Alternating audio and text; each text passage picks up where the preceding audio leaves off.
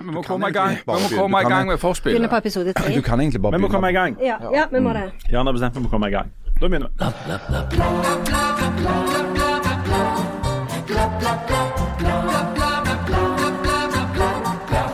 Altså, Her har vi både Janne og Jan og Viking og all slags, og så flytter det flere ut av Rogaland enn inn. Harald, dette er din skyld. Jeg vet. Ok, Men eh, vi har ikke råd skolebøker i dette fylket av melk og honning. Trøsten får være at den i hvert fall ikke er USA, der det nå er omkamp etter 50 år om retten til selvbestemt abort.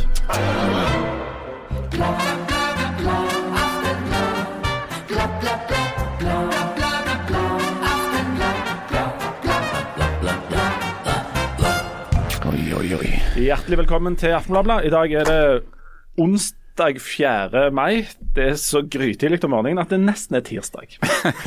Og dette er det du, Jan, som har kommet på. at Vi skal begynne så tidlig. Ja, men er det Takk jeg, skal du ha. jeg føler at det er Janne sin feil. Da er det Janne sin feil. Janne, det er din feil at vi begynner så Jeg prøvde òg å tenke på hvem det var sin feil, men jeg kunne ikke huske det. Det er din feil, Janne. Det er i hvert fall ikke din. Er det det? Ja, det er alltid Det er din iallfall feil. ikke min feil.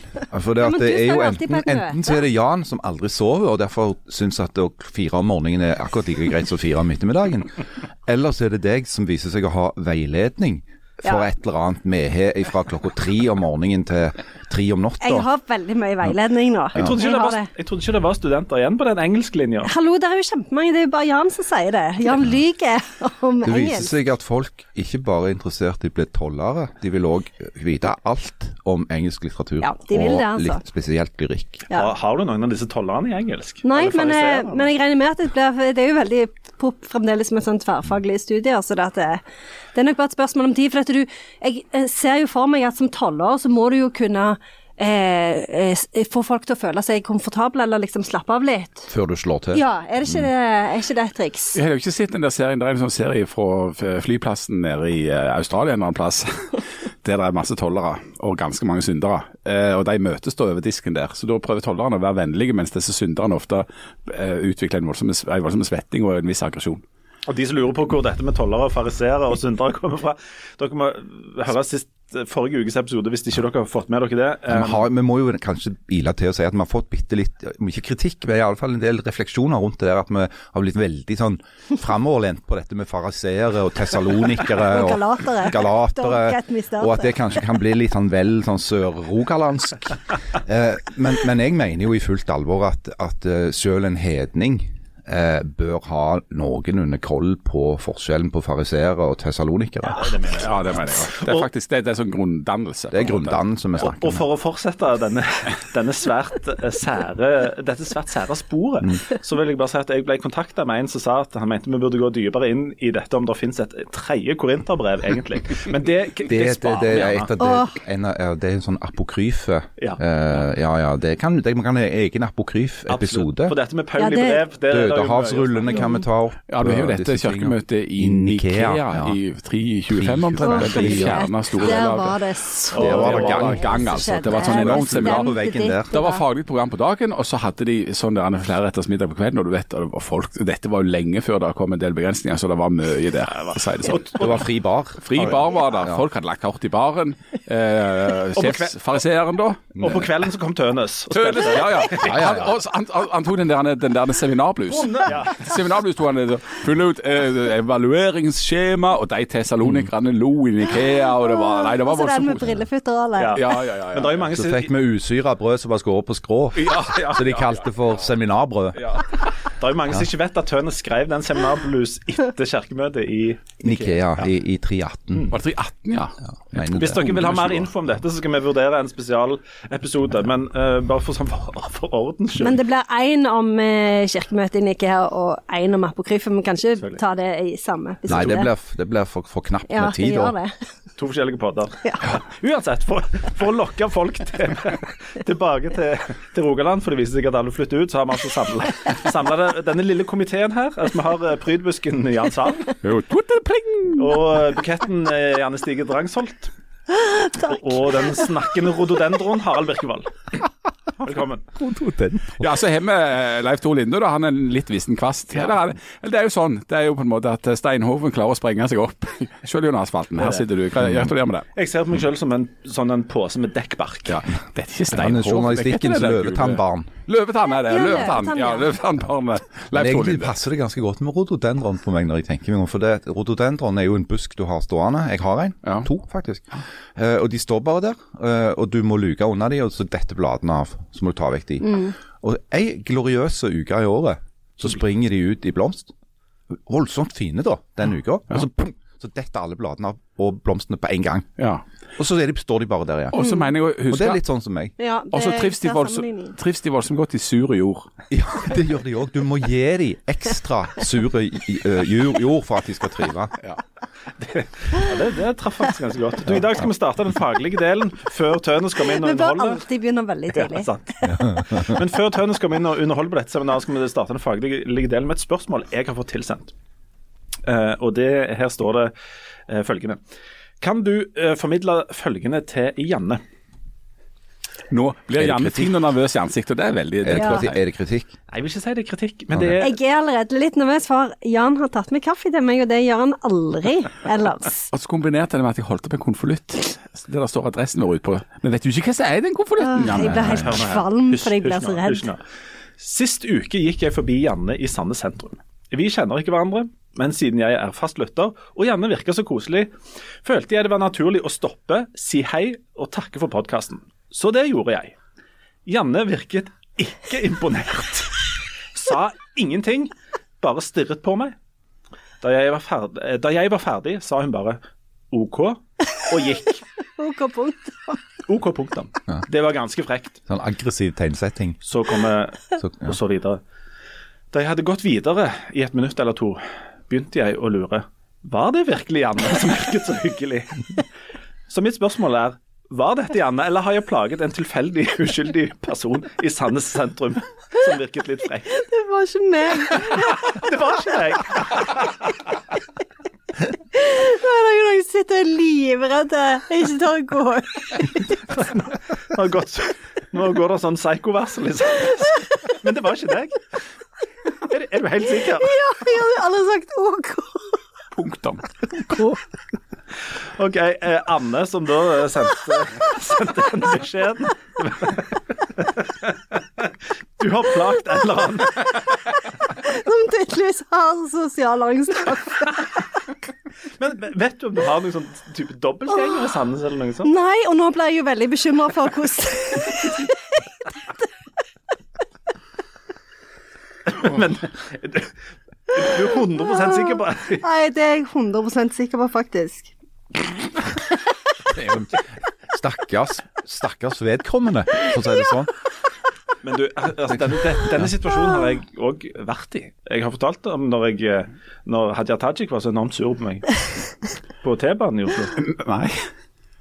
Nei, jeg, altså, jeg har jo gått i klassen med Hadia Tajik, eller hun har gått i klassen med meg. Ja. Ja, Og så, så, så så jeg jo litt sånn i forbifarten på, på T-banen. Jeg var i Oslo en gang, og så Når vi gikk av, så var jo liksom gikk jo voldsomt fort ut. Akkurat som du ikke kjente deg, liksom. Ja. Så jeg, eh, jeg tenkte at eh, OK, greit nok og, og alt det der, men, men jeg, jeg må si hei. Eller hun setter nok pris på hvis jeg sier hei. Så jeg går til Britna på ryggen og sa jeg, du, du, det er jo lenge siden, men um, og midt i den setningen så oppdaget jeg at dette var en helt annen person. og så, og jeg, men jeg oppdaget det mens jeg snakket, da. og Da har du to muligheter. Enten full retrett eller bare fullføre. Og jeg fullførte jo selvfølgelig bare.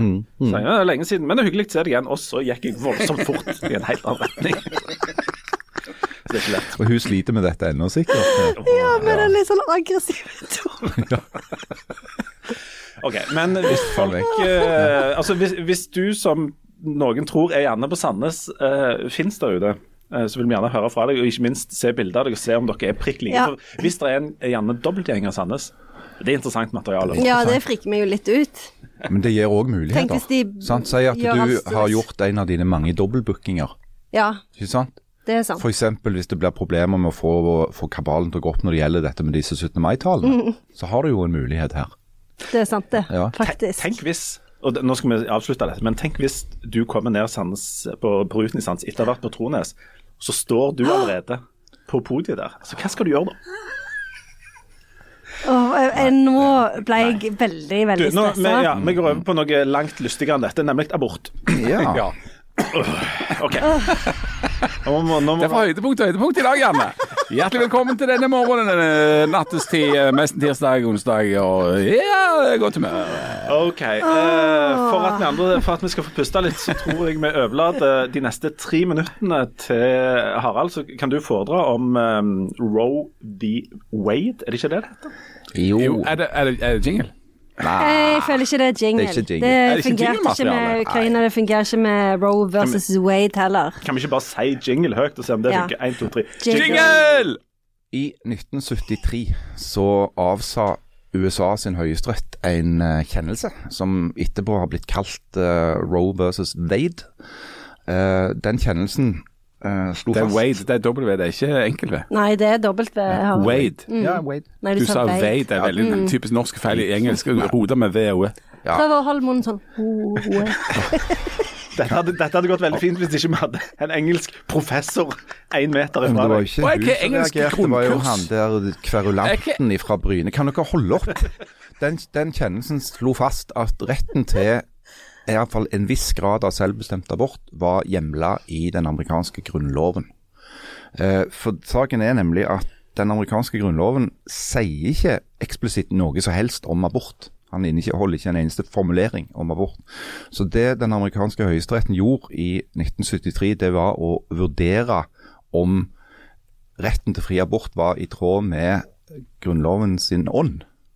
Eh, som bl.a. slår fast at alle mennesker er født eh, like og frie og uavhengige osv. Eh, og siden den gang så har da eh, den amerikanske grunnloven overstyrt delstatene i USA sin anledning til å regulere abortspørsmålet strengere enn det Høyesterett slo fast i 1973. Eh, det som da har skjedd eh, i de årene som har gått, er at abortspørsmålet har fortsatt å vært en sånn identitetsmarkør i amerikansk politikk, der eh, en liberalt synspunkt i abortsaken typisk har vært assosiert med Det demokratiske partiet, mens et mer restriktivt syn typisk har vært eh, assosiert med det republikanske. Eh, og Den amerikanske befolkningen er veldig delt i dette spørsmålet. Eh, Det er et av de spørsmålene som har gått igjen i, i tiår etter tiår eh, som et av de mest splittende i amerikansk politikk. Synet på fri abort og retten til det. Eh, det som har skjedd i de siste årene, etter hvert som du har fått en, det du kan kalle en slags radikalisering i amerikansk politikk, det er at stadig flere delstater på delstatsnivå, selv om de vet at inntil Høyesterett gjør noe, så blir det ikke disse lovene kunne bli gjeldende, har vedtatt mer restriktive abortlover. Eh, Det gjelder eh, stater som f.eks. Texas, eh, Alabama, Mississippi. Og de, de lovene ligger der nå på en måte og venter på at Høyesterett skal gi dem adgang til å sette dem i kraft. Det som òg har skjedd, det er at under de siste republikanske presidentene, altså Bush og, og Trump, så har det har blitt bytta ut medlemmer i amerikansk høyesterett. Sånn at uh, høyesterett i USA har gått fra å være relativt liberal uh, som samla sett, til å bli relativt konservativ samla sett. Uh, det som da skjedde for to dager siden, det var at nettstedet Politico, eh, som er et eh, nokså oppegående på amerikansk politikk, eh, gjorde et helt fabelaktig skup. Eh, de fikk i hende et notat, et internt notat fra Høyesterett i USA som viste at det hadde vært en prøvevotering over dette spørsmålet. Det notatet var ført i pennen av høyesterettsdommer Samuel Alito. Eh, og det konkluderer med at Roe versus Wade må eh, settes til side, fordi at eh, den dommen var åpenbart juridisk feil. Det bygger Alito og flertallet i Høyesterett på en vurdering at, eh, som, som handler om at de er veldig konservative når det gjelder Hvis noe ikke er nevnt i Grunnloven, i, som ble skrevet i 1776, som mange vet, eh, så eh, er ikke det noe som eh, Grunnloven kan mene noe om. Eh, Så de vil rett og slett sende dette spørsmålet tilbake til delstatene og si at dette må avgjøres av et flertall i folket. Altså et flertall i delstatsforsamlingene. Så det har jo skapt et voldsomt engasjement, da. fordi at hvis Høyesterett i USA fjerner det vernet, så vil altså kanskje så mange som 20-25 delstater umiddelbart eh, innføre restriksjoner. Jingle! Ja, veldig bra. Denne, eh, denne eh, Roe V-Way. Ja, Veldig Var det bra. greit? veldig godt uttalt. Eh, er jo en, eh, kanskje den mest symboltunge saken som eh, amerikansk høyesterett eh, har hatt, og er en sånn evig tema i USA. Og Janne, den er, altså, Dette spørsmålet er ekstremt viktig. Vi snakket sist om det med eh, hun Ginsburg når hun døde, og det ble byttet ut uh, høyesterettsdommer i, i USA. Og, og, og dette er et slags jordskjelv, er det ikke det? Sånn for uh, både de liberale og for kvinnebevegelsen og alt. Ja, det er jo det, og det er jo helt utrolig at det går an etter 50 år, to generasjoner med eh, mer eller mindre fri abort, som Sarald sier, så at en skal gå tilbake igjen i 2022 og, og gjør kvinner om til annenrangs borgere nok en gang. Eh, og det er jo eh, mange kvinner som frykter nå at de vil måtte eh, ha eh, sånne illegale aborter i en sånn halvmørke kjeller og og at vi er liksom tilbake igjen til etterkrigstida. Så det eh, det er jeg klarer nesten ikke å forstå at det skjer. Ja, dette er, det er en del politikk i det, skal vi få unna det først. Um, fordi disse høyesterettsdommerne er jo ikke noe som oppstår bare ifra Så de finner noen i bjørk og hiver inn. Uh, Men um, de, de, Ja, nei, det skjer jo ikke, skjer ikke tilfeldig, og det er et resultat av en bevisst eh, tanke og en bevisst strategi over mange år. Så det, Sånn sett gjerne så kommer det ikke plutselig ut av ingenting. Eh, det kommer ut av en sterk vilje. For helt siden eh, dette, altså denne dommen kom i 1973, så har eh, konservative politikere, konservative aktivister og religiøse aktivister, dere er jo medlemmer av samme religion, har kjempa for å få omgjort dette. her. Så Det har vært en enormt sterk pågående politiske kamp på grunnivå i USA.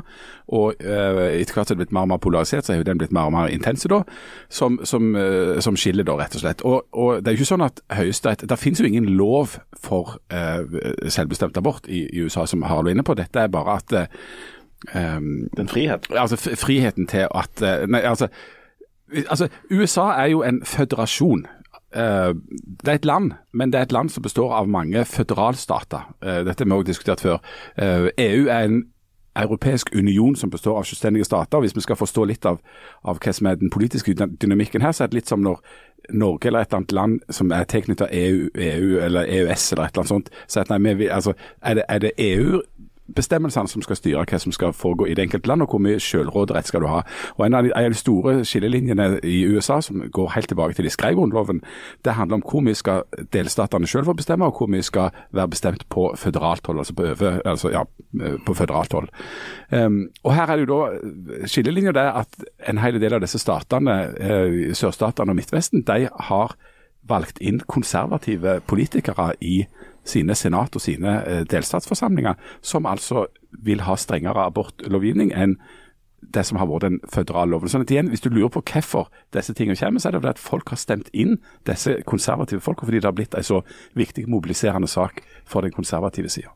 Men så er det jo da et veldig viktig spørsmål, eh, helt sånn sentralt eh, spørsmål vil jeg si. Det er selv om du har si, en konservativ delstatsforsamling i, la oss si Texas, er det riktig at eh, et politisk flertall skal kunne gå inn og bestemme over kvinners rett til å bestemme over sin egen kropp? Eh, det har ikke jeg fått noe godt svar på, i alle fall. Eh, er det i det hele tatt lov? Eh, og Det er jo en, en dimensjon ved den diskusjonen som går om abort. Er, er dette i det hele tatt et spørsmål som, som en kan sette seg ned og si at ja, med, med 53 mot 47% så har vi nå bestemt at eh, alle kvinner må gjøre det på denne måten. Eh, eller er det egentlig ganske dårlig liberalt prinsipp? For Det det, det- du skal jo- verne et mindretall òg. Ja, men, men, men det er jo bare politikk. Dette er jo, altså, Det har jo vært fram til det ble innført eh, fri, eh, altså, altså retten til selvbestemt abort f.eks. i Norge. Så var det et politisk flertall som mente det motsatte. sånn at Det, det er jo ikke noe, Riktig. det, altså, det er jo politikk, dette. Ja, men dette er noe Janne kan sikkert si bedre enn meg, men, men dette med altså, kvinnekroppen som en slags sånn politisk slagmark, da. Eh, det er jo det er jo dimensjoner ved det òg som er ganske problematiske. Ja, og det er jo noe som, som, eh, som Altså, det er jo det som har vært på en måte eh, siden 70-tallet, når, når den store, store bølga med, med feminisme virkelig flomma flommer over vår del av verden, så, så, så var jo abortspørsmålet noe av det viktigste. Og, og, og spørsmålet om kvinnekroppen. Det var jo derfor en brant BH-er protestert mot skjønnhetstyranniet og, eh, og, og hevda retten til selvbestemt abort fordi at du skal ha rett over din egen eh, kropp. Men, men, men kvinnekroppen har jo liksom Kvinnekroppen har jo vært eh, politisk helt siden begynnelsen av moderne tid. I mye større grad enn mannekroppen så har det vært viktig for eh, samfunnsstrukturene og på en måte eh, styre over kvinnekroppen. Dette er jo regulert i korinterbrevene og tessalonikerne og galaterne. Og don't get me started om galaterne. Leif Tore.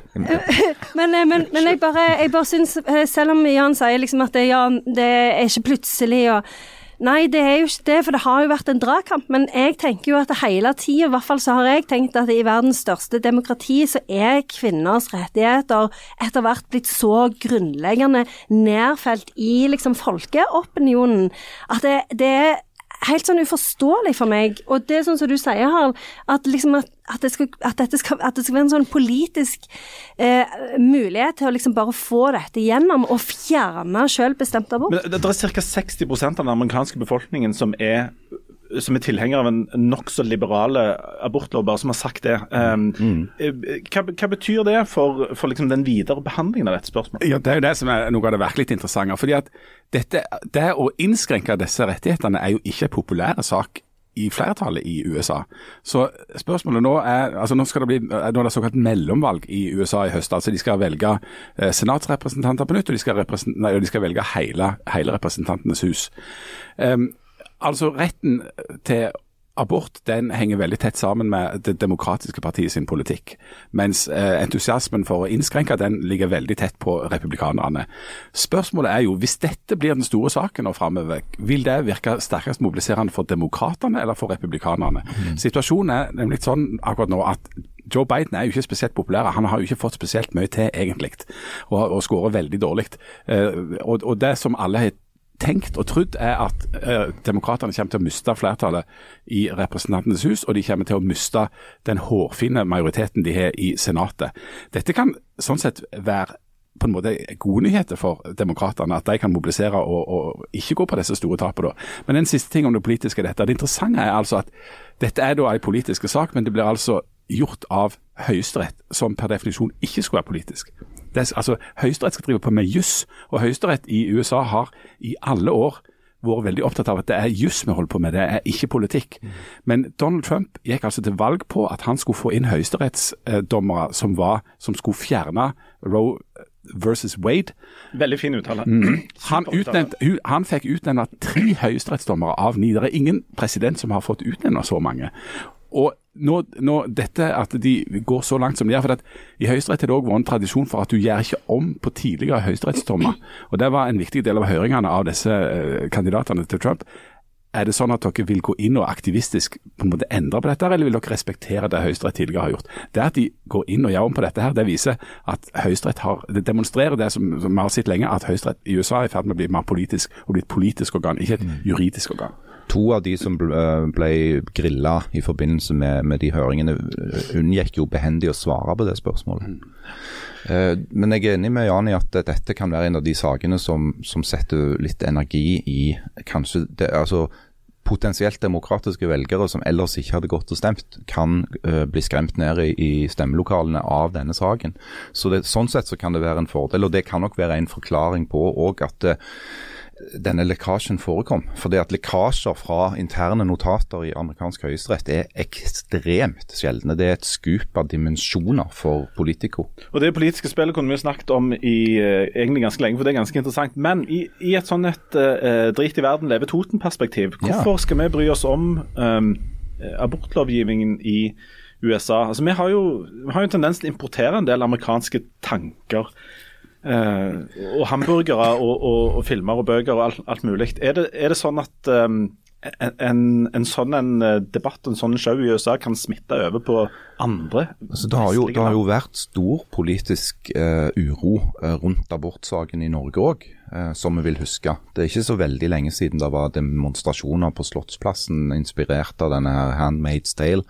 Eh, der det gikk på adgangen til å Eller der det var et ønske fra noen partier om å regulere såkalte tvillingaborter. Eh, og eh, flere partier, bl.a. Venstre, SV, har jo gått inn for, og Arbeiderpartiet, har jo hatt debatter og vedtak eh, om å liberalisere adgangen til abort, eh, såkalte senaborter. Eh, Sånn at en viss, altså Dette er jo en diskusjon som foregår mange steder. Men jeg tror den, den mest direkte innflytelsen det har på Norge, det er at det har veldig mye å si for Norge. Vi husker jo veldig godt de fire årene med Trump. Hvem som bestemmer politisk i USA. Eh, særlig i den situasjonen som vi har i verden nå, med krigen i Ukraina og et helt nytt sikkerhetsbilde, så vil det jo ha stor betydning. Eh, og abortsaken i USA er, enten du liker det eller ikke, en sånn sak som kan flytte det politiske makten. Du, ja. Ja, Dessuten så er jo feminisme og likestilling et globalt spørsmål. og selv om vi dette har vi snakket om før, men selv om vi har kommet veldig langt i Norge, så er det jo et kjempestort problem at du ser et så massivt steg tilbake i USA. Eh, og, og, og, og hvis en tenker på f.eks. Afghanistan òg nå, så er jo, altså Hvis en skal se på, på det med at kvinner ikke får, og jenter ikke får utdanning i Afghanistan, så er jo det nok et massivt eh, tilbakesteg for, eh, for likestillingen. Men, men la oss huske på én ting. det er at eh, Hvis Høyesterett, for jeg har lest mesteparten av den notatet som han Alito skrev, så står det jo veldig sånn svart på hvitt der. At det at de sender dette tilbake til delstatene, betyr jo òg at delstatene står helt fritt til å vedta en mer liberal lovgivning, hvis de vil det. Du, kan, kan, vi- vi skal sikkert snart slutte dette temaet, men i, i forbindelse med dette, og hvis vi skal forstå eh, litt av den tanken for at Det er så lett for sånne eh, norskinger som sitter i sånne pratestudio og skriver aviser. Vi, alle vi er jo alltid enige om egentlig alt dette. Så har vi god, Så- så- god greie på USA. Ja, voldsomt god, god, greie på USA, ikke minst. Vi er kanskje til og med eksperter. Ja, ja, ja, ja. Men, men problemet er at vi, vi snakker jo veldig sjelden med de som mener, altså de som vil ha disse innskrenkningene, de som representerer disse eh, konservative eh, bevegelsene, som da altså er vesentlige i USA og i mange andre land òg.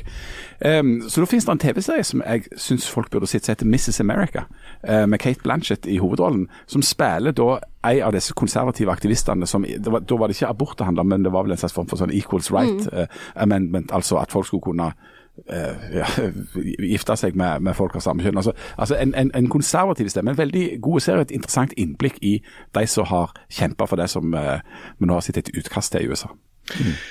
Og så er det, vel, er det vel kanskje ikke sånn at eh, sånn som du Harald sier, at eh, den, du får lett inntrykk av at denne, det som har skjedd nå, betyr at abortretten i USA skal innskrenkes over hele fjøla, ned til altså de, de, de, strengeste forslagene, eller noe som ligger til behandling, er jo ned til seks uker. Men det er jo ikke, vi er jo ikke der.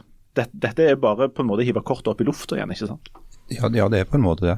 Eh, Det ligger an til at noen delstater i USA, hvis de får anledning til det, vil innføre en mer eh, liberal abortlov.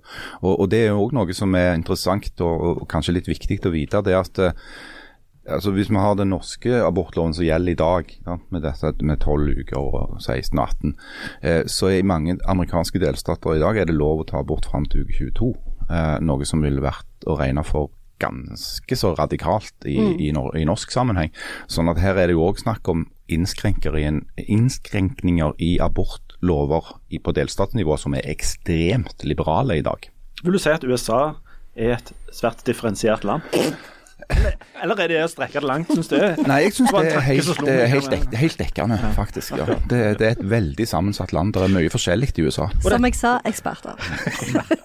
Dette, dette notatet det, Som engelskprofessor, det er ikke sånn at du liksom tenker, er liksom faglig interessert i notatet bare for å se om det er skrivefeil, eller om det er I am you Det hadde vært det eh, gøy å få det opplest, sånn jeg kunne hørt om det var riktig uttale. En del ting. Ja, men en litt sånn slapp eh, eh, ved. Ja, Ja, men om du- om det liker jeg ikke, men det er enda verre med sånn uh, Concord-feil.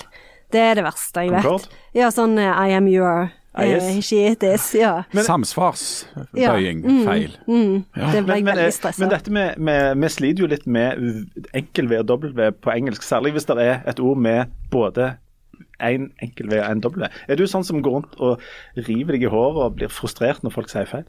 Eh, Jeg blir litt irritert. Ja. Wolverine. Ja, eller Wave. vowels. ja. Vowels er veldig komplisert. ja. Men det Neste tema. Det var, det var du som begynte med å, å være litt slarven. I, Ja, men det er tidlig. ja, vi skal gå gjennom den. Ok.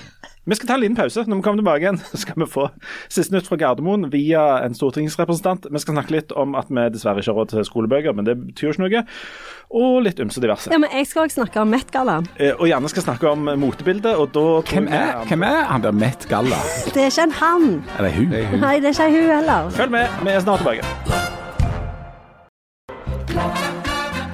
Hjertelig velkommen tilbake til Aftenlabbet. Eh, Janne skal få snakke om motebildet. Ja, jeg kommer til å være her til jeg har fått gjort det. Ok. Men da blir du alene mot slutten. Nei, herlighet. jeg er kan vi høre kjempeinteressert. Jeg litt har, jeg har satt meg inn i dette Ja, med bra, Met-galla, så jeg har mange innspill og synspunkter. Bra. vi skal bare ha en kort oppdatering. Vi, vi diskuterte litt om verdens aller verste plass på jord, nemlig Gardermoen. Gardermoen Ja, flyplass, ja. Ja. Og, og så var vi litt sånn usikre på hva som var det aller, aller verste, verste plassen på Gardermoen. Og Dette blir kanskje litt internt, men det er jo vi som bor her, må jo dessverre ofte innom Gardermoen. Og vi har fått eh, vår eh, ekspert på flyet, nemlig eh, Geir Pollestad, som representerer Bondepartiet på Stortinget. Hei, Geir. Hei, Hei, Geir. Geir. Eh, han har Det går eh, ikke så bra på meningsmålingene for tida, Geir. Nei, må ta deg sammen, Geir. Men Det jevner så drag. Ja. Eh, på Stein på Må tenke med foten, eller hva er det med fot. Så går det helst greit. Ja. Ja. Ikke tull nå. Uansett, uh, Geir Pollestad, som jo er vår flyekspert, har rangert uh, topp tre uh, verste plasser på Gardermoen. Um, så her, dette er fasiten. Det han kaller gategate. Altså den verste gaten. Nummer tre mener han er A22 til A27, fordi det betyr at du skal i, Ja. om bord på et propellfly. Ja, og, og det skal definitivt ikke til Jæren. For da må du gå ned den trappa, sant? Ja. Ja, det er Og da grusomt. er du på vei til Florø, Mo i Rana, Gautvoll flyplass, som ingen vet hvor er. Som er sånn. Snytle og sånne plasser. Ja. Skretlabu står noe sted. Der blåser det Ja, blåser voldsomt. Ja. Og så- Ja, og så- må de fly om Tonstad for å få rett. Ja. Ok, Andreplass er den berømte gate B8. Ja, Åh. B8. For den ligger jo på Røros. Ja. Så du må gå og gå og gå. Det er innerst i den blinde vei. Ja. Og så har Bondepartiets egen Geir Bollestad eh, en brannfakkel eh, som første og verste gate. og den har jeg ikke tenkt på, men kanskje han har et poeng. Og det er A2. Å ja, hvorfor Fordi, det? Det er jo rett, rett inn, inn Dette er det nærmeste, Ja. men Bondepartiets egen Geir Polstad skriver at du er i fint driv gjennom sikkerhetskontrollen og nedover gangen. Halvveis liksom, til der du skal, sjekker du tavla for å finne rett gate, så oppdager du at det er A2. Og Da må du snu, så må du kjempe deg tilbake Ja, igjen gjennom sant. den strømmen av folk. Motstrøms, ja. Ja, det er sant. Og så skriver han 10% av disse folka som du har hatt møte med eh, på Teams i pandemien, treffer du jo da. Ja. Og de ser sitt snitt til å stoppe og hilse. Sånn som hun gjorde på deg i Ok. Sandnes, hun dama som Ja. viste Ok. seg Ja, Ja. ok. og da, eh, Geir Pollestad sin eh, fra Bondepartiet, kan du gjøre sånn som Janne gjør når hun treffer fansen? Bare se uinteressert ut og si OK. Punktum. Punktum. Ja. Så dere at etter vi hadde snakket om dette med OK punktum, så skrev NRK en stor sak om dette med Ja. OK punktum. Det For de som ikke har fått sånn. med seg det, så det er hvis du bruker punktum i tekstmeldinger, SMS-er, så ser det veldig aggressivt ut. For folk som er For født folk som er nå nettopp. ni år. Ja, nå syns jeg òg det begynner For Jan skriver jo det til meg hele tida og ødelegger jo dagen min. Okay, Der sitter han og griner helt fram til lunsj. Jeg ga deg jo en kopp kaffe og et smil. Ja, jeg vet at du har en, du har en agenda, og jeg vet ikke hva det er ennå, men Men jeg altså, skal det er jo sånn, men jeg, jeg spurte et barn om det her en dag, og så, så, så hvis, hvis du står f.eks. det er middag klokka fire, punktum, så betyr det på sånn ungdomsk at hvis ikke jeg, du er her klokka fire, så brekker hvert bein i kroppen Mm. ja. din. Nemlig. Ja. Det er helt sant. Jeg adopterer deg vekk hvis ikke du, du gjør det som står før punktum. Ja. Ungdommen, altså. De er veldig rare, ungdommen. Men det er løye at Jan sitt smil ikke trekker flere folk til Rogaland. For det, det er òg et tema vi har snakket litt om før. Ja. Og som Aftenbladet nå har en serie på som heter Heim, som er, der det er, som er ganske interessant. Der vi har intervjua folk som flytter til Rogaland, eller folk som ikke gjør det. Um, og det viser seg jo at eh, Rogaland eh, tappes litt for folk. Ja, det ja, ja, det, det som vel skiller Rogaland fra de andre storbyregionene, er at de andre storbyregionene, altså type Bergen og Trondheim, og ikke minst Oslo, det at de er storbyregioner, gjør at de tiltrekker seg folk, sånn at det er overskudd på folk som flytter til de områdene. Mens, Vi må lage folka våre sjøl. mens vi må lage folk våre sjøl, eller importere de fra utlandet. Ja. Jeg har en brannfakkel. Jeg tror muligens at eh, folk kommer til Stavanger og Rogaland eh, for å jobbe. Ikke bare for å drive rundt uh, sånn som de gjør enkelte andre plasser. Det viser seg jo når vi ser på Sånn at hvis det er mange jobber på lur, i Rogaland, så kommer folk her og jobber i vei. Hvis Men- de mister jobben, så flytter de. Men situasjonen nå er jo at det er mange jobber, og en sliter jo med å få tak i folk. og Dette har vært en gjen- gjenganger lenge i denne regionen, at det har vært mye jobber. Og, og war for talent, som det heter på globalsk. Og der er en, eh, Nå er vi jo i, i um, ei sånn høy konjunkturbølge i um, olje og gass, eller det som heter energi, i, gjennom den grønne tørketrommelen. Eh, så Nå skulle det jo være både, bare melk og honning og, og, og sånt, men det viser seg allikevel at uh, hvis vi skal ha noen til å bli ingeniør i, i et eller annet deep sea uh, well-greier, så må vi lage ingeniørene våre sjøl. Vi må sette i gang nå. Ja. Så har vi de om 18 et halvt år. Ja, Men jeg, jeg, jeg bare tenker at, dette har en tendens til å bli liksom blåst utover alle, alle dimensjoner. Mener du media sin skyld? Ja, media og sånne enkelte sånne pressgrupper, sånne næringsforeninger, hva det er for noe, så, så sier at det er kjempeproblemer. Og hovedgrunnen til at folk ikke vil bo i Stavanger, det er at vi ikke har mer motorvei. Det er jo ikke det. Alle vet jo det. Men de bruker liksom anledningen til å si sånne ting, da. Eh, Og det er jo ikke sant at folk ikke vil bo her. Det er jo massevis av folk som bor her. Tenk hvis det hadde vært enda flere folk som bodde her. Det hadde vært enda mer kø på Harald treffer jo folk hele tida som bor her. Treffer jo folk som bor her. Dere f.eks. er jo her. Og, Du, du vil helst at det ikke skal bo så mange folk i Stavanger. Du vil helst at det skal være slags sånn Suldal, eller ikke sentrale Suldal, men ytterkanten av. Suldal. Men eh, jeg vet jo at vi kommer jo aldri til sånne paradisiske tilstander her at det blir som Suldal. Men Du, eh, bare for- for- for- jeg bare sier at det, det har en tendens til å bli brukt for litt for mye, at det er mer enn det er verdt. Men eh, Tallet sier altså at Rogaland, eh, når vi skraper sammen alt og alle, mista 893 mennesker i fjor til andre deler av landet.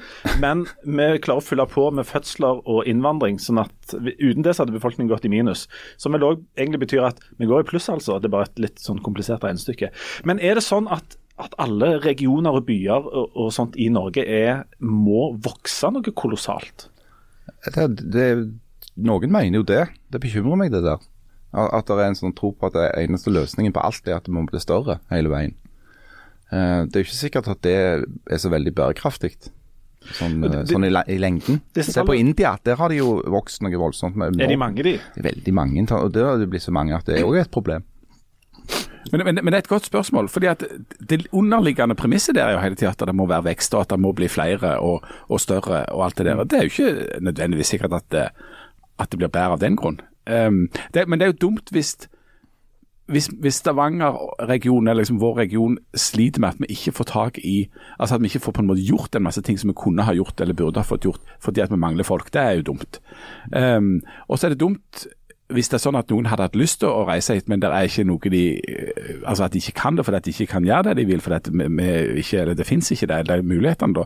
Så, så, um, men, men at det plent må være sånn at det må være dobbelt så mange folk som bor i Stavanger-regionen om eh, 20 år, det altså kan, men Det er et universitetsspørsmål oppi dette. for det at eh, En av de tingene som jo blir pekt på og diskutert, er jo om du har utdanninger som på en måte passer og sånt. Og De aller fleste som jeg kjenner som er herifra, som har flytta til en annen plass, har gjort det når de skulle studere, og så har de bare blitt vekke. Det er jo en helt, en ganske sånn standard metode. Jeg trodde at det skulle skje med meg. Jeg hadde aldri forestilt meg at jeg skulle komme tilbake til Stavanger. Hva var det som lokket deg tilbake? Var det, var det eh, Åls, eh, skitrekk i Ålsheia? Var det Jærstrendene? Sammentreffer mange, sammentreffer mange uheldige eh, omstendigheter, vil jeg si.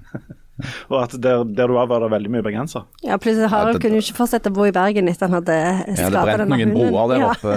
Etter de såkalte episodene. Ja. Hvis vi hadde hatt en medisinutdanning f.eks., eller eh, lignende, hadde det trukket til enormt mye mer folk, tror du gjerne? Jeg tror nok at det, hadde, det hjelper jo å ha eh, mange forskjellige utdanninger. Og så tror jeg òg det hadde hjulpet eh, eh, hatt det. Sånn så, eh, det som er litt kjipt eh, med, med vår region, det er jo f.eks. at eh, universitetet ligger på Ullandhaug. Sånn at du får ikke den der, sånn som du har i Bergen, at du har campus i byen, og da skaper du jo et veldig sånn levende bymiljø. Eh, sånn at her er det mye mer sånn det er basert på gjerne at du har bil, og at du må liksom kjøre rundt og sånne ting. Jeg tror, men jeg tror ikke det er liksom avgjørende i lengden, men jeg tror det med utdanning Ja, det er synd at ikke universitetet er mer sentralt plassert. Er Jo, men det er jo det. Ja, jeg er helt enig. Men det betyr vel kanskje like mye for de som går der, som for de som skal velge det. Altså, tror du ikke det?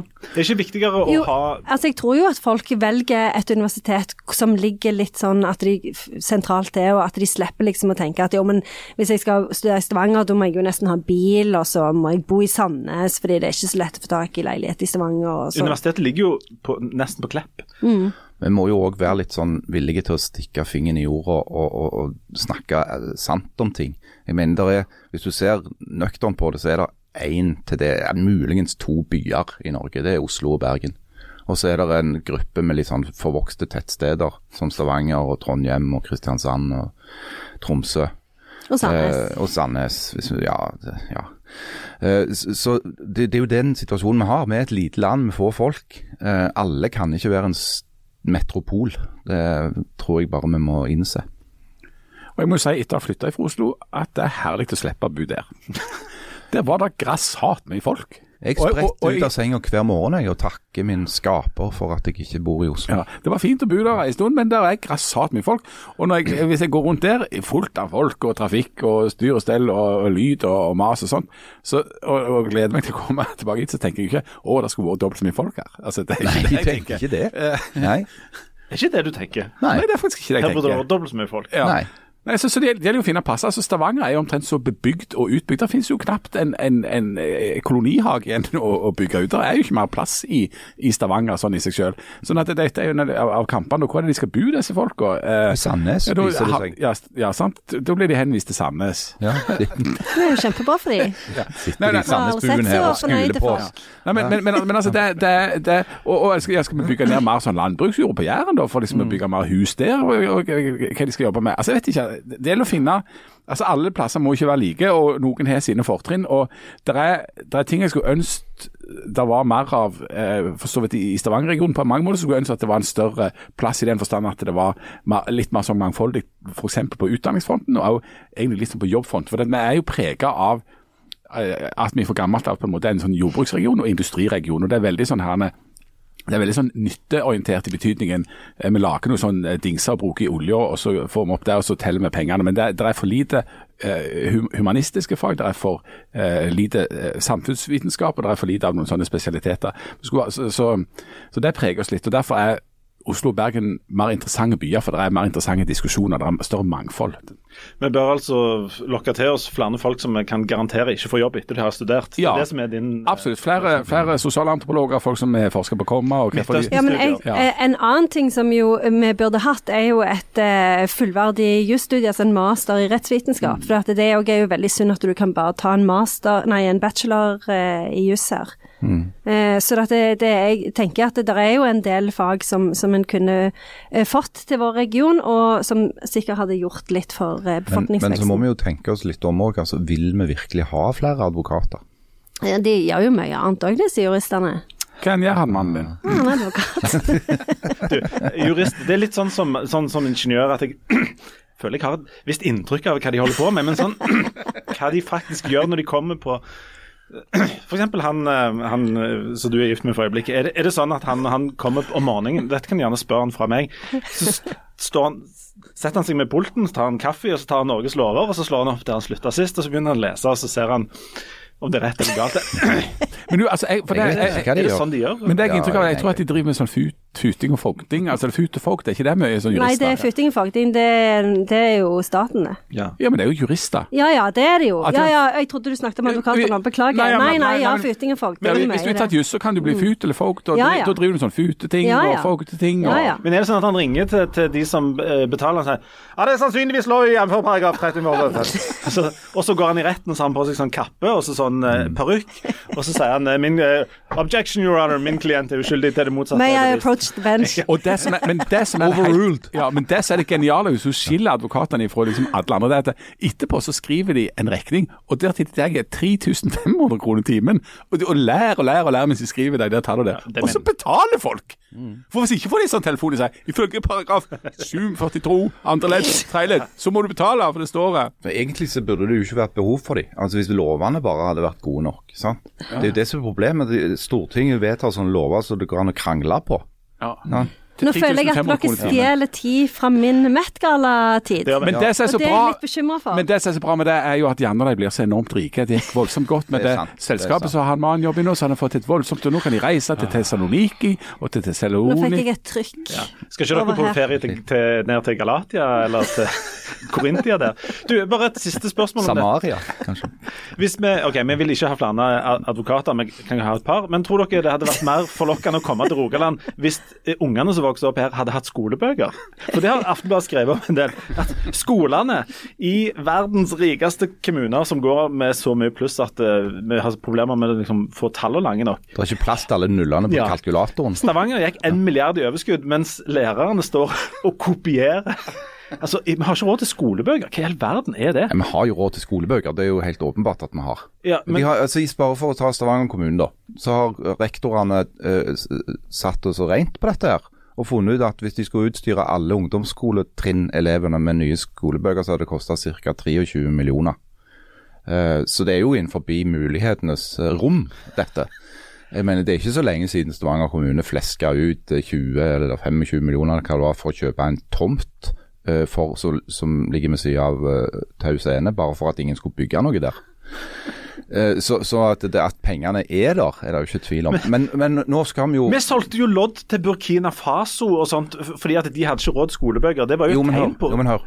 Altså, nå har jo, i, I rettferdighetens navn så har jo Eirik Faret Sakariassen, som er leder for det utvalget som har med dette å gjøre, eh, i kommunen, sagt at eh, jo ja, det, det kommer en stor satsing. De venter bare på en eller annen rapport. Jeg tror de kalte det for en tertialrapport som kommer før sommeren.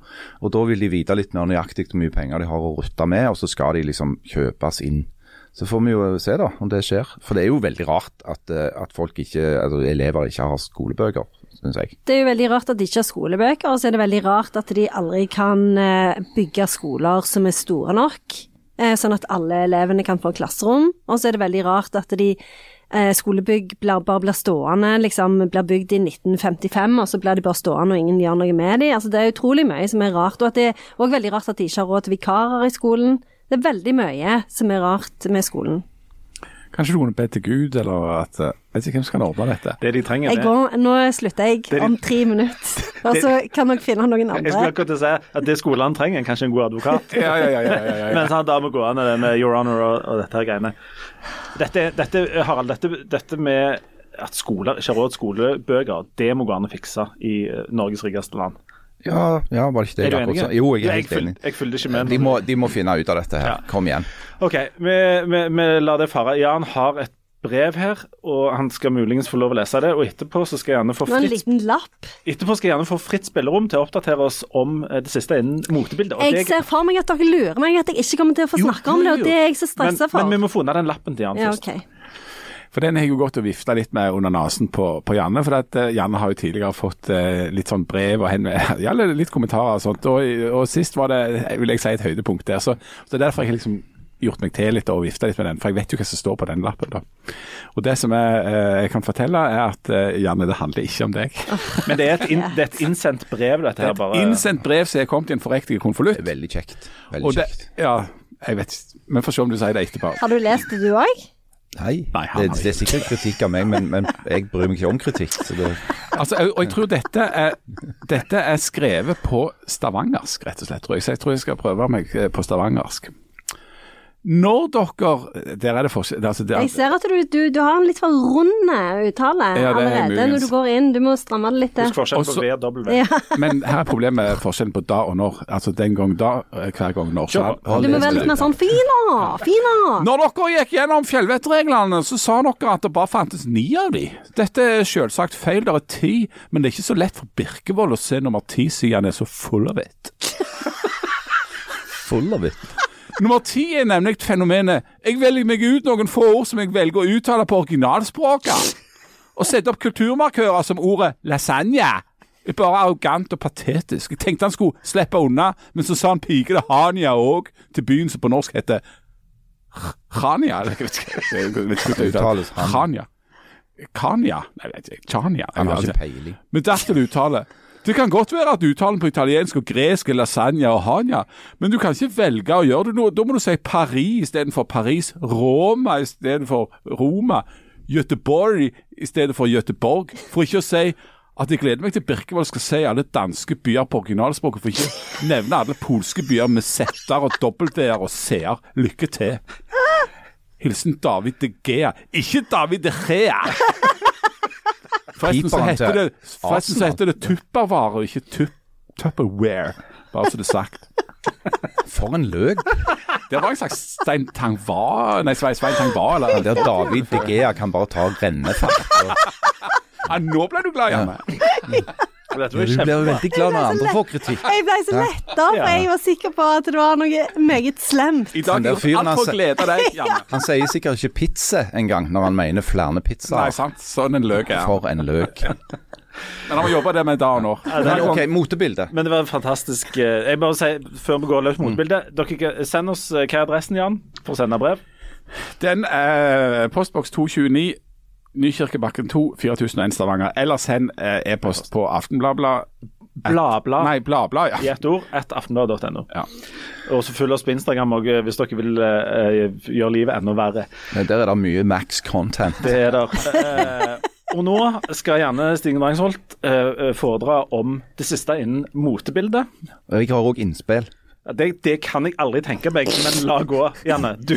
Ja, for at jeg syns at det er veldig irriterende at eh, Met-gallaen alltid får så enormt dårlig eh, omtale. Altså ikke fordi at det blir kritisert, men fordi folk ikke gjør en skikkelig jobb når de skal snakke om det i norske medier. Jeg kan er nesten du må forklare Du må hva starte med å si hva, Ja, men hvem først må jeg si det. Å, ja, eh, og jeg syns òg at det var veldig provoserende i går på morgennyhetene i NRK. Så var det sånn Ja, hva, det har vært en, eh, et arrangement i New York. Er det et tema? Så liksom ingen har forberedt seg, og det gjør meg veldig, veldig sint. Så, nå- det vil jeg si først. Nå, Kjør på. Ja. Hva er det? Så Met-gallaen er jo en eh, veldedig tilstelning som eh, arrangeres første mandagen i mai hvert år. Eh, og som Hvor da hen? Eh, på Metropolitan Museum of Art i New York.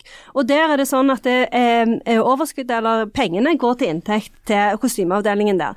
Og så er det sånn at Jesus det, Christ, altså det er, det er et lokalt arrangement i New Nei, York. Jeg var ikke ferdig. bruker hele- ikke ferdig. Ja, nå må du bare være stille. Nei, og så Ikke ikke nevne ja, men, det nå. Ja. Poenget er jo eh, Poenget er skal, skal det, Er det sånn det skal være? nei, nei. Jeg, jeg, Kan du ta ansvar Ja. og Men jeg òg var litt overrasket over at det er jeg var litt overrasket over at det er et veldedighetsarrangement som går til inntekt for kostymeavdelingen til et museum. Men jo, la gå. Men jo, men Fortsett. hør er da. her da.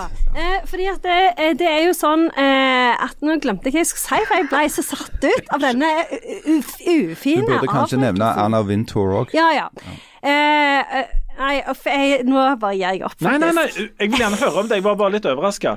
Jo, og så um, Å, herlighet, jeg mener jeg har fått Jeg husker ikke hva jeg skulle si. da. Har du fått hjerneteppe? Ja, jeg har fått jerneteppe. Men- Men uansett så er det, eh, det Altså ehm, Nei, jeg, jeg har dette helt ut. OK. Hør hør. Altså, dette er jo da en av de viktigste begivenhetene i året for de som er veldig opptatt av dette med mote og fashion og sånn.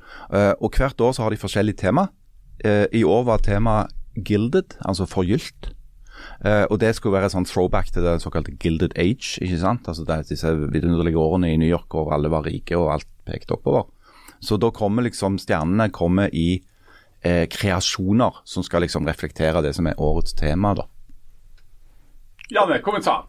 Og dette, og dette er en sånn store det, det er store greier, for til og med jeg hadde hørt om dette før. Ja, for? Poenget er at det, det er en um, altså det, I USA så er det jo veldig viktig med veldedighet, for de har jo ikke noe sånn statsstøtte eller noe sånt. Og så er det jo sånn at det, dette arrangementet På den ene sida så er det jo et arrangement som er veldig sånn typisk eh, amerikansk, veldig sånn overfladisk og men det, det åpner òg en sånn en, mote, en, sånn, en moteutstilling hvert år. Og så er det jo sånn at nå har det jo ikke vært på to år fordi at det pga. coviden. Og så var det et arrangement i september hvor de liksom hadde del én, og så var det del to nå. Eh, og det som er så kult med det, det er jo at det, det begynte som et sånn Det var jo en sånn vanlig middag og tilstelning, men etter at Anna Vintour, tok over arrangementet i 1995, så ble det eh, mye sånn større greier, hvor det ble mye mer sånn at det, eh, altså det ble mye mer sånn hot couture-mote, sånn at de største designerne utstilte stjernene med kjoler, og sånn at det ble mye mer et sånn et kostyme, kostymedrama i sånn Tudor-stil, hvor liksom de kreasjonene er helt sånn overdådige, og, og ikke sånn som vanlige folk eh, skal gå med, men, men hvor en på en måte eh, får et sånn overblikk over hvem som er de største stjernene akkurat nå, eh, hva som rører seg liksom på de der, i de lengst inne i designerne sine hoder, og hvor en òg får en del sånn interessante sånn politiske, overraskende utspill, eksempel i um, september så hadde jo Alexandria Octavia Cortez en sånn en kjole hvor det sto 'Tax the Rich'. Eh, og i går så hadde jo, eller eh, denne uka, når han eh, borgermesteren i New York var det jo, han hadde jo en sånn en, politisk tekst på dressen sin hvor det sto eh, liksom 'End gun violence'. Eh, og det, det, det, den dressen, jakken hans, var jo blitt lagd av en sånn en eh, designer fra et eller annet land i Afrika som jeg ikke husker hvilket. Og så er det jo veldig kult òg, fordi at det, eh, du får eh, Altså, du, det er jo et litt sånn dekadent, og det er jo ikke for vanlige folk. Og det er jo selvfølgelig et sånn et em, em, em, overdådig arrangement, men jeg syns det er veldig kult, fordi at det er liksom eh, Mote er jo òg kunst, og klær er jo òg kunst.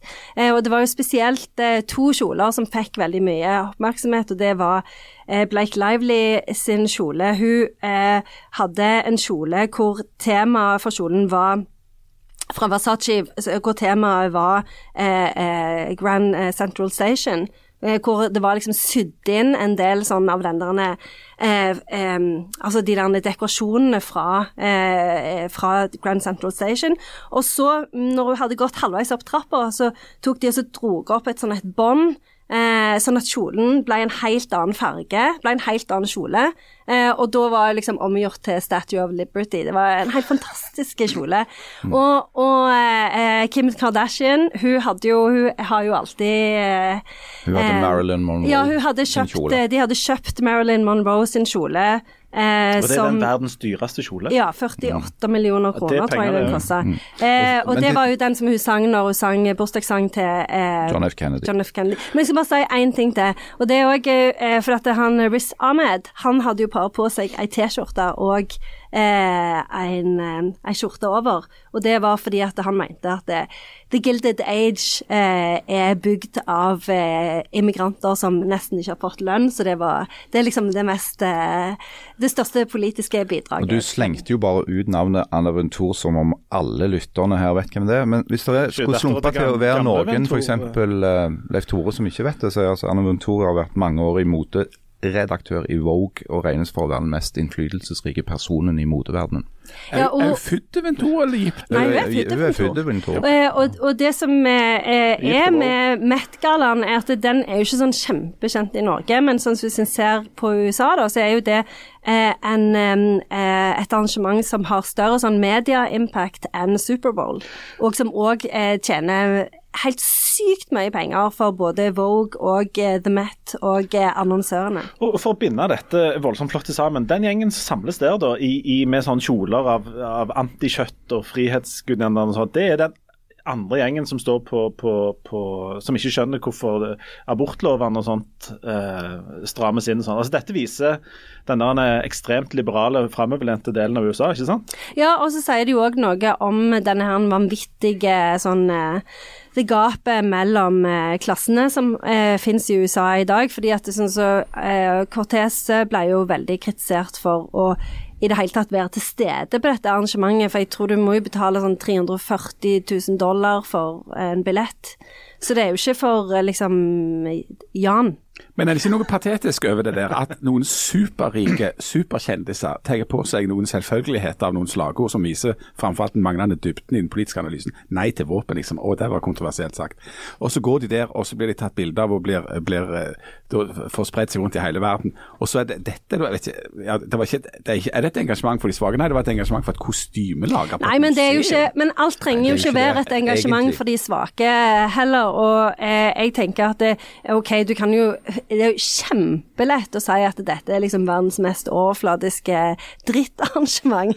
Men, men eh, det er jo Jeg, jeg syns at det er, er verden Altså, det er som det står i Bibelen. At eh, det er plass til alt under sola. Og jeg tenker at det, det er plass til òg Met-gallaen. Så skal du òg at huske at, fall- at modeindustrien er jo faktisk òg en enorm arbeidsplass. Altså det er- omsetter for det er- enorme penger. Og, og de, de, de er jo masse folk ansatt nede i Bangladesh og borti Kina. Ja, jeg skal ikke si, Hvis vi ikke hadde vært for moteindustrien, så var det mange unger som hadde slitt med å få, få, Ja, få endene til å strekke til. Du, Bare et siste spørsmål. Hvis vi skulle bli invitert til, og, og dette er et agn òg til dere i Met-galla Hvis vi skulle bli invitert der til som Ja, litt sånn innflytelsesrike folk her, Ja.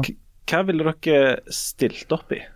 Eh, Altså, jeg, Hvordan ville dere grepet den? jeg tror at eh, du må jo få noen designere til å backe deg. Okay. Eh, så det, eh, hun, det, var, hun var, det var jo ei norske som var der, hun Renate um, Reinsve. Ja, hun, hadde jo, hun har jo et eh, samarbeid gående med Louis Vuitton, så hun hadde jo et antrekk fra de. Da så jeg at de hadde vært litt late. For jeg så at Louis Vuitton hadde opptil flere antrekk som ligna ganske Det mye. er ikke bra. Men jeg du ville vil gått som, som, eh, som en, eh, en wienerschnitzel Ja. for å gjøre folk oppmerksom på hvor godt det er med kjøtt. Men jeg, men jeg kan jo òg si at det, det arrangementet fikk litt eh, kritikk, fordi at det, det var ikke alle som hadde fulgt tema. Eh, og det er jo litt frekt. Eller kanskje som ei kumle. Ja, vi var Det hadde vært fast med ganske lett. For eksempel Glenn Close hadde en sånn sjokkrosa drakt på seg, og det var det veldig mange som var skeptiske til. ja, men du ligger jo langt framme i motebildet. Hva vil du satse på? Jeg ville muligens eh, gått utkledd som en banan. Jeg ville jo gått Jeg, ville jeg skjønner ikke hvorfor alle skal kle seg ut som matretter. Nei, jeg ville Det er litt det. tøft. Jeg ville satsa 100% på flis og teknisk tøy. Uh, Ja, også den der, den der jakken fra, fra Gann eller ja, fra jeg den arver jo alle klærne mine av en kamerat som Gann jobber på videregående. idrettslinja. Ja. Og jeg tror jeg ville satsa på det. Også, Jeg har aldri sett at du har hatt flis på deg Nei. noen gang. Eh, Ja, men jeg, har jeg jeg. har et slags arbeidsantrekk når jeg kommer her til. Men jeg ville satsa på det, og så bare tenkt at på et eller annet tidspunkt så kan det være at noen ser at jeg skiller meg veldig ut, at jeg treffer en eller annen nerve. Jeg vet ikke om det hadde vært vellykka, men Du hadde nok truffet en nerve, vil jeg tro. Jeg tror jeg hadde gått i Aftenbladet-T-skjorta mi og sagt at det var designer, den berømte designeren Lindø. Og så- Altså, der øen var sånn en eh, Ja, en sånn O med to sånne todler. Lindø. Ja. Lindu. Lindø. Hvis dere har innspill til hva vi skal gå med når vi får den invitasjonen, så er det lov å stoppe både Jan og Harald og Janne på gata. Og det er òg kjekt hvis det er faktisk Er oss, da. Ja. ja. Men dere kan òg stoppe folk som ligner. Det har det jo vist seg at eh, det går helt fint. Ja, det går bra. Da tror jeg vi skal eh, takke for oss. Um, og så eh, snakkes vi til en ny betalje om ei uke. Mm. Husk, husk å skrive brev eller send e-post, da. Det er Og- viktig. Ja, og en liten sånn spesiell eh, oppfordring. Hvis dere har hatt noen nær eh, Janne, Jan eller Harald, eller til og med meg-opplevelser, så hadde det vært løye å visst. Og hvis vi har vært litt frekke, så beklager vi det. Mens eh, dere kan ta kontakt med oss enten i brevs form eller gjerne på e-post bladblad.aftenbladet.no. Og det var det. Jeg syns det er så godt gjort at jeg har holdt meg og ikke fortalt om når jeg ble Du har jo skrevet om det, da. Du har jo skrevet om det, da. av et menneske som mente at jeg var kjendis. Fordi Kom Det er jo ikke sånn at du ikke akkurat har nevnt det. Du har jo, du har jo publisert det i Aftenbladet, liksom. Ja. Og så var det sånn at nå nevnte du det helt på slutten, så vi kan jo ikke la være. Så vi går ut med historien om den gangen Jan et eller annet. Vær så god. På lørdag så var jeg ute på en vinbar til vinbarrunde med en kjendis, en som er stor kjendis. Uh, ikke fordi han er kjendis, men fordi han er god kompis av meg. Og så, så satt vi der på en plass, og så hadde vi dette delt en flaske vin, og så skulle vi gå videre til neste plass. og det er jo løye, det er litt sånn underlig å gå ut med sånn som er voldsomt sånn kjendis. For du vet jo hvordan det er. Alle kjenner jo igjen vedkommende og, og prøver liksom å late som de ikke ser det helt. Og, så, og når de snur seg 180 grader rundt, så later de som det er helt tilfeldig. Og så prøver de å kviske. Du, se der borte sitter, ser du. Uh, kviske på en diskré måte, men det, du får det jo med deg. sant? Og så, men, men altså, det er, helt, det, det er fint jeg er sånn sjøl. Så er det alltid noen som på et visst tidspunkt tar mot til, seg da, og, og, og kommer bort. Og, det skjedde òg her. Så kom der eh, noen damer bort, og, og jeg hørte de før jeg så de, og de sa å, se der, se der kjendisbordet. Det masse, der er det, det er kjendisbordet. Og så kom de bort og sa de, kan vi få ta et bilde? Og så denne kjendisen er jo vant med at dette skjer, og er høflig og blid og sier ja, ja, absolutt, eh, kjør på. Det, kjør på. Men det, var, og jeg satt og tenkte det må være veldig rart å være sånn kjendis eh, som blir fotografert eh, på byen og, og skal tas selfie med. Så skjer det litt rare at den ene av disse damene ikke blir stående med kjendisen, men går videre og kommer bort til meg og sier kan jeg få ta et bilde? Eh, liksom, Hæ, hva da? Ja, for det er jo du som er kjendisen, sier hun. Ja ja, for hun hørte på Aftenbladet hver uke, og det var kjempekjekt. Og vi hadde, og vi hadde snakket en gang før. og og, og, og, og det var nei, det var, det var, det var det grommeste. Så der står jeg plutselig. Mens eh, denne A-kjendisen var avfotografert på selfie på den andre siden av bordet, så står jeg og prøver å smile og være grei på min side av bordet. Og blir tatt bilde av eh, og er kjendis eh, for ca. tre minutter. Dette bildet må vi nesten få se. Ja. Ja, men det er ikke Ja, men det er vel noen som kan Ja, sende du. det inn? ja.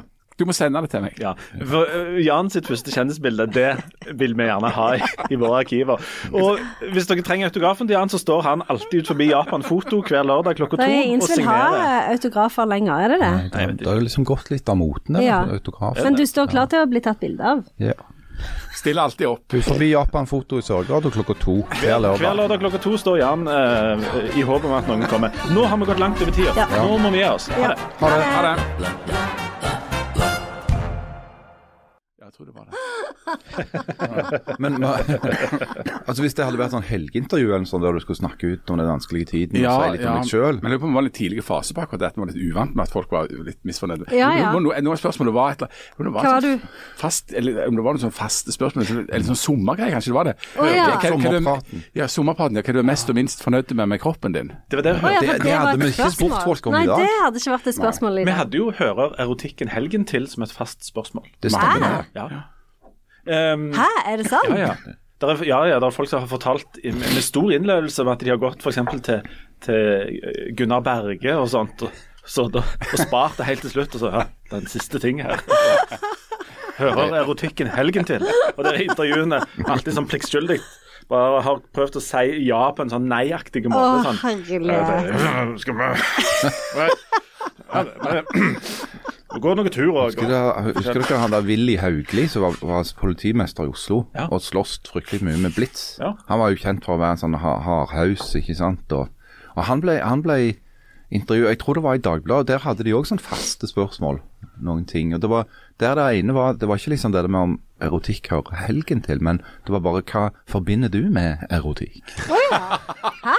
Ja. Og det, der han svarte Tina Turner. Tina Turner. Mm. Rockens bestemor. Ja, det var det som fikk det til å tikke grå sand. Jeg skjønner jo Rivers hvorfor. deep, uh, river deep mountain high. Yes. My oh my.